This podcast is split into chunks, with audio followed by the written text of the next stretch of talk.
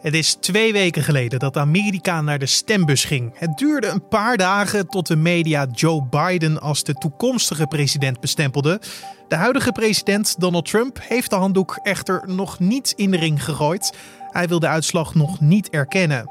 Wat wil Trump bereiken en kan dit voor veel schade zorgen? Dit wordt het nieuws. Maar ja, op een gegeven moment uh, zal hij waarschijnlijk toch wel gewoon uh, uh, ja, de realiteit moeten erkennen. en waarschijnlijk blijft hij dan wel roepen dat de verkiezingen gestolen zijn.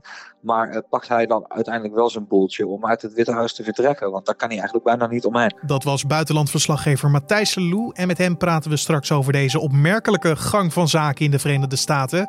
Maar eerst kijken we kort naar het belangrijkste nieuws van nu. Mijn naam is Carne van der Brink. Het is vandaag dinsdag 17 november en je luistert naar de Dit wordt het nieuws middagpodcast.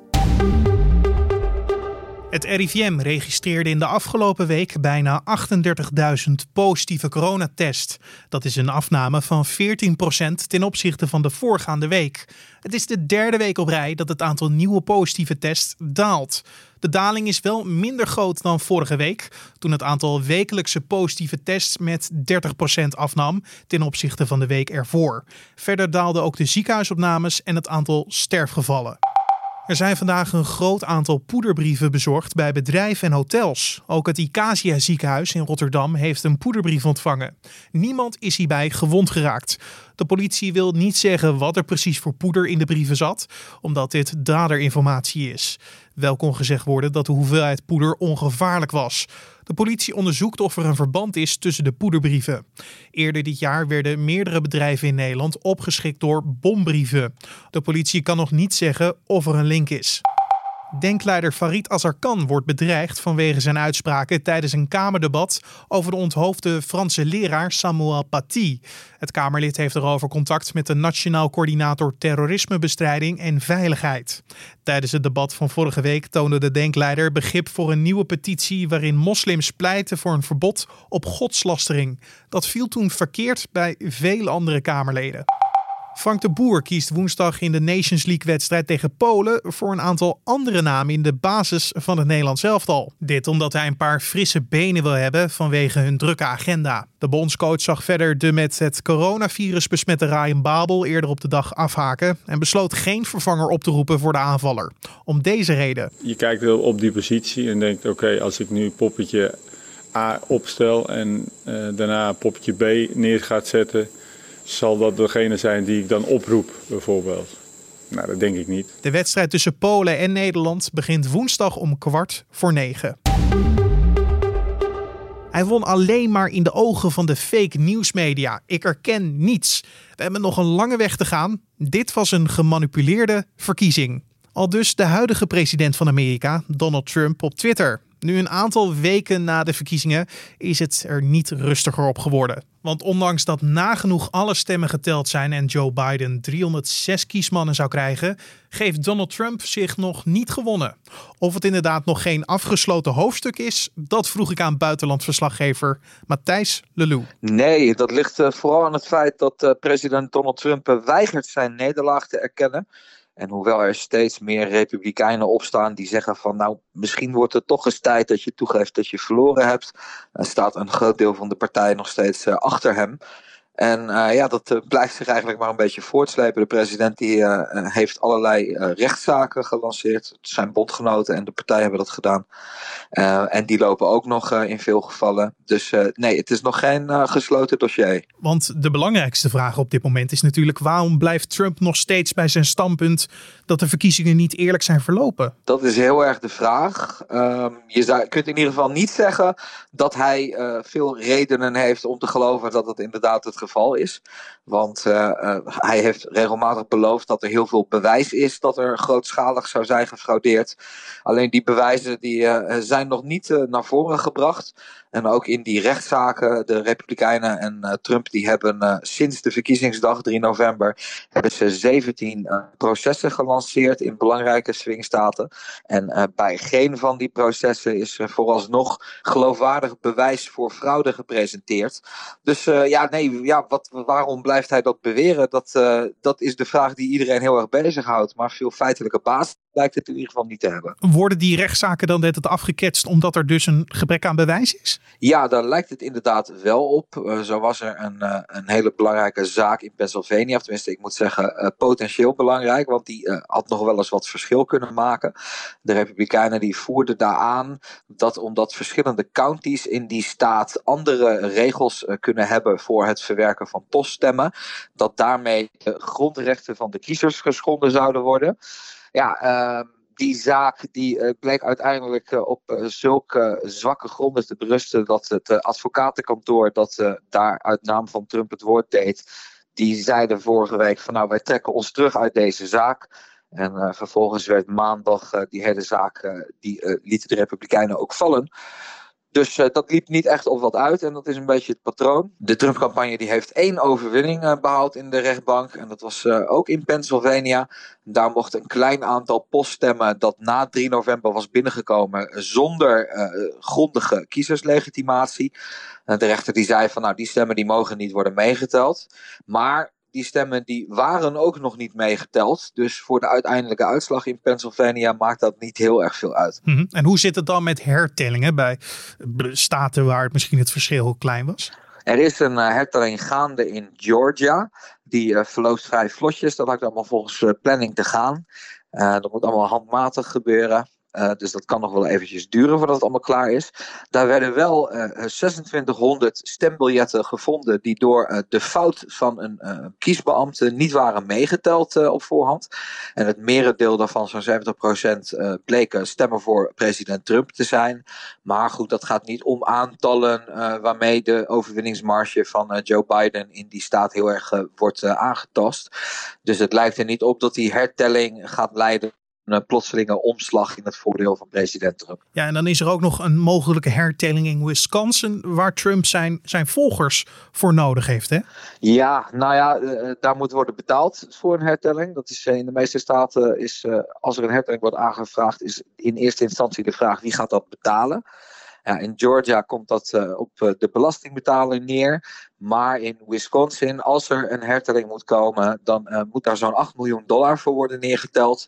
Ja, en dat, daar zullen de Republikeinen dan voor moeten opdraaien als de partij die de aanvraag doet. Dus het is toch eventjes de vraag of die hertelling uiteindelijk ook doorgang zal vinden. Maar weet je, het is in het algemeen zo bij hertellingen, als het verschil een paar honderd stemmen is, dan zou het best kunnen dat er nog wat gewijzigd wordt. Dat was bijvoorbeeld het geval uh, tussen uh, Al Gore en George W. Bush in 2000. Toen was het verschil iets meer dan 500 stemmen in de cruciale swingstaat uh, Florida.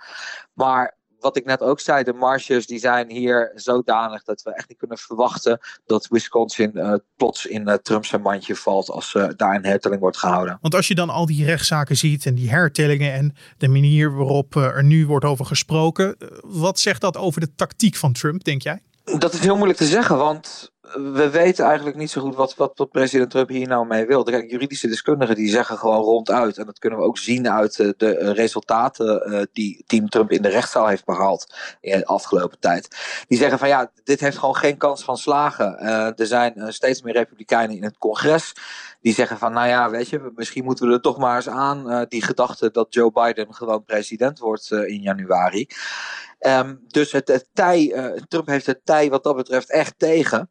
Uh, dat weerhoudt uh, hem en de Republikeinen er niet van om kiezers te blijven bombarderen met vragen om donaties. Ja, dat, uh, of dat heel erg veel gaat helpen, dat is ook maar de vraag. Want Reuters die zocht uit dat als je naar de kleine lettertjes kijkt bij die verzoeken om de donaties, dan blijkt gewoon dat het overgrote merendeel daarvan, dat wordt in de Republikeinse partijkas gestopt. Of dat komt terecht in een, bij een politiek actiecomité voor president Trump. Dus dat, dat dient helemaal niet om hertellingen en juridische uitdagingen te financieren. Wat is nou uiteindelijk het plan van de president? Ja, we weten dat president Trump iemand is die een verlies niet snel zou toegeven. Uh, binnen zijn familie wordt uh, het zijn van een loser, een verliezer, dat wordt gezien als zo'n beetje het, het slechtste wat je kan overkomen. Dus daar zal een hele hoop weerzin tegen die gedachte zitten. Maar ja, op een gegeven moment zal hij waarschijnlijk toch wel gewoon ja, de realiteit moeten erkennen. en waarschijnlijk blijft hij dan wel roepen dat de verkiezingen gestolen zijn. Maar pakt hij dan uiteindelijk wel zijn boeltje om uit het Witte Huis te vertrekken? Want daar kan hij eigenlijk bijna niet omheen. En neemt de steun die hij heeft van zijn partij dan ook af? Nou, dat niet zozeer. Uh, als ik zeg dat er steeds meer Republikeinen in het congres zijn die erkennen dat Trump de verkiezingen verloren heeft ja, dan neemt dat niet weg dat hij nog steeds meer dan 70 miljoen uh, stemmers, uh, kiezers achter zich heeft gekregen. Dat zijn achterban ontzettend loyaal aan hem persoonlijk is. Dat hij de partij in de afgelopen jaren echt een beetje naar zijn eigen evenbeeld heeft herschapen. Um, dus, dus andere Republikeinse politici die kunnen daar nog steeds niet omheen. En het, het lijkt er ook niet op dat uh, president Trump van plan is om zijn greep op de Republikeinse partij te laten vieren. Uh, hij schijnt er zelfs al over te praten dat hij zich misschien in 2024 weer verkiesbaar wil stellen.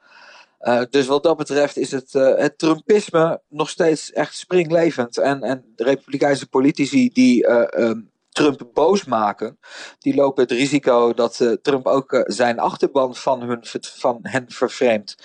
Dus uh, ja, dat is niet de beste overlevingsstrategie in de Republikeinse Partij op dit moment. Nee. En normaal gesproken, als de verkiezing gecallt is, dan zou er nu ja, een overgangsproces bezig zijn voor de toekomstige president Joe Biden in dit geval. Komt Biden dan nu ook in de knel, omdat Trump nog echt aan het strijden is voor een eventuele verkiezingsoverwinning? Ja, dat vreet wel in de tijd die hij heeft om zich uh, naar behoren voor te bereiden op zijn eigen presidentschap. Uh, en daar is wel tijd voor nodig. Kijk, als je bijvoorbeeld kijkt naar gevoelige kwesties rond de nationale veiligheid. ik noem bijvoorbeeld Iran, het kernwapenprogramma, en, en wat de VS daar allemaal in militair en spionageopzicht heeft lopen. Daar moet een president-elect, een inkomende president, die moet daar wel uh, over worden geïnformeerd. Zodat hij, als hij op 20 januari instapt, niet uh, opeens uh, wordt geconfronteerd met allemaal dingen waar hij nog niet zoveel over heeft gehoord. Dus ja, dat, dat, dat soort, soort zaken, dat loopt echt vertraging op. Um, er zijn binnen het nationale veiligheidsapparaat zijn er ook republikeinen die zeggen van ja jongens, misschien wordt het wel eens tijd om Biden en zijn team te gaan inlichten over bepaalde gevoelige zaken. Uh, verder um, kost dat natuurlijk ook geld om zo'n transitieteam op te zetten. Uh, om mensen te zoeken die uiteindelijk in zijn kabinet wil hebben. Allemaal dat soort zaken. Um, en dat geld is federaal geld doorgaans. Dus dat moet van de overheid komen. En zolang Biden nog niet is erkend als president-elect dan uh, krijgt hij ook die, die, die, centen niet. Dus ja, het, het, het, wordt wel veel moeilijker om, om een goede voorbereiding uh, op te zetten op, uh, op dat presidentschap van Biden. Want als er dan echt geen bewijs is voor fraude tijdens de verkiezingen, wanneer krijgen we dan officieel te horen dat Joe Biden de volgende president is? Nou, daar zit in principe zit daar gewoon een deadline aan. Dat is 14 december, want dan maakt het kiescollege, dat zijn al die kiesmannen waar we altijd over horen uh, die komen dan per staat samen en, en die verkiezen officieel de nieuwe president.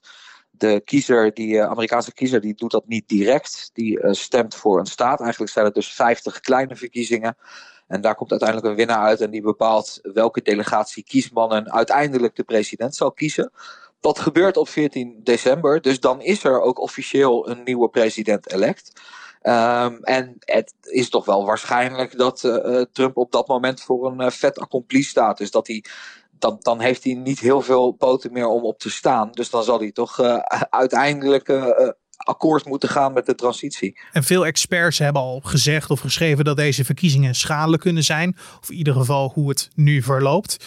wie kan dan het meeste schade oplopen, denk jij? Nou, los van uh, het gebrek aan voorbereiding wat de regering Biden parten kan gaan spelen. En, en kijk, dat kan heel gevoelig zijn. Joe Biden die zegt zelf van daar staan levens bij op het spel. Um, want hij zegt, ik moet straks moet ik de coronacrisis gaan aanpakken. Um, er is weer een piek gaande in de VS momenteel. Dat is de derde piek daar. En experts die uh, voorspellen dat uh, nou, als het allemaal loopt zoals het nu loopt, dan zou het best kunnen dat er in de komende maanden nog, uh, nog een paar honderdduizend Amerikanen overlijden aan het coronavirus. Dus de regering Biden die wil vrij voortvarend van start gaan. Um, en als daar geen gedegen voorbereiding aan vooraf gaat, dan wordt dat steeds moeilijker. Nou, en, en, en daarnaast, een beetje in het grotere plaatje, is dit natuurlijk niet heel goed voor het geloof in, in de Amerikaanse overheid, in de Amerikaanse democratie. Uh, uit peilingen blijkt dat een overgroot deel van de Republikeinse kiezers die denken dat de verkiezingen niet vrij en eerlijk zijn verlopen.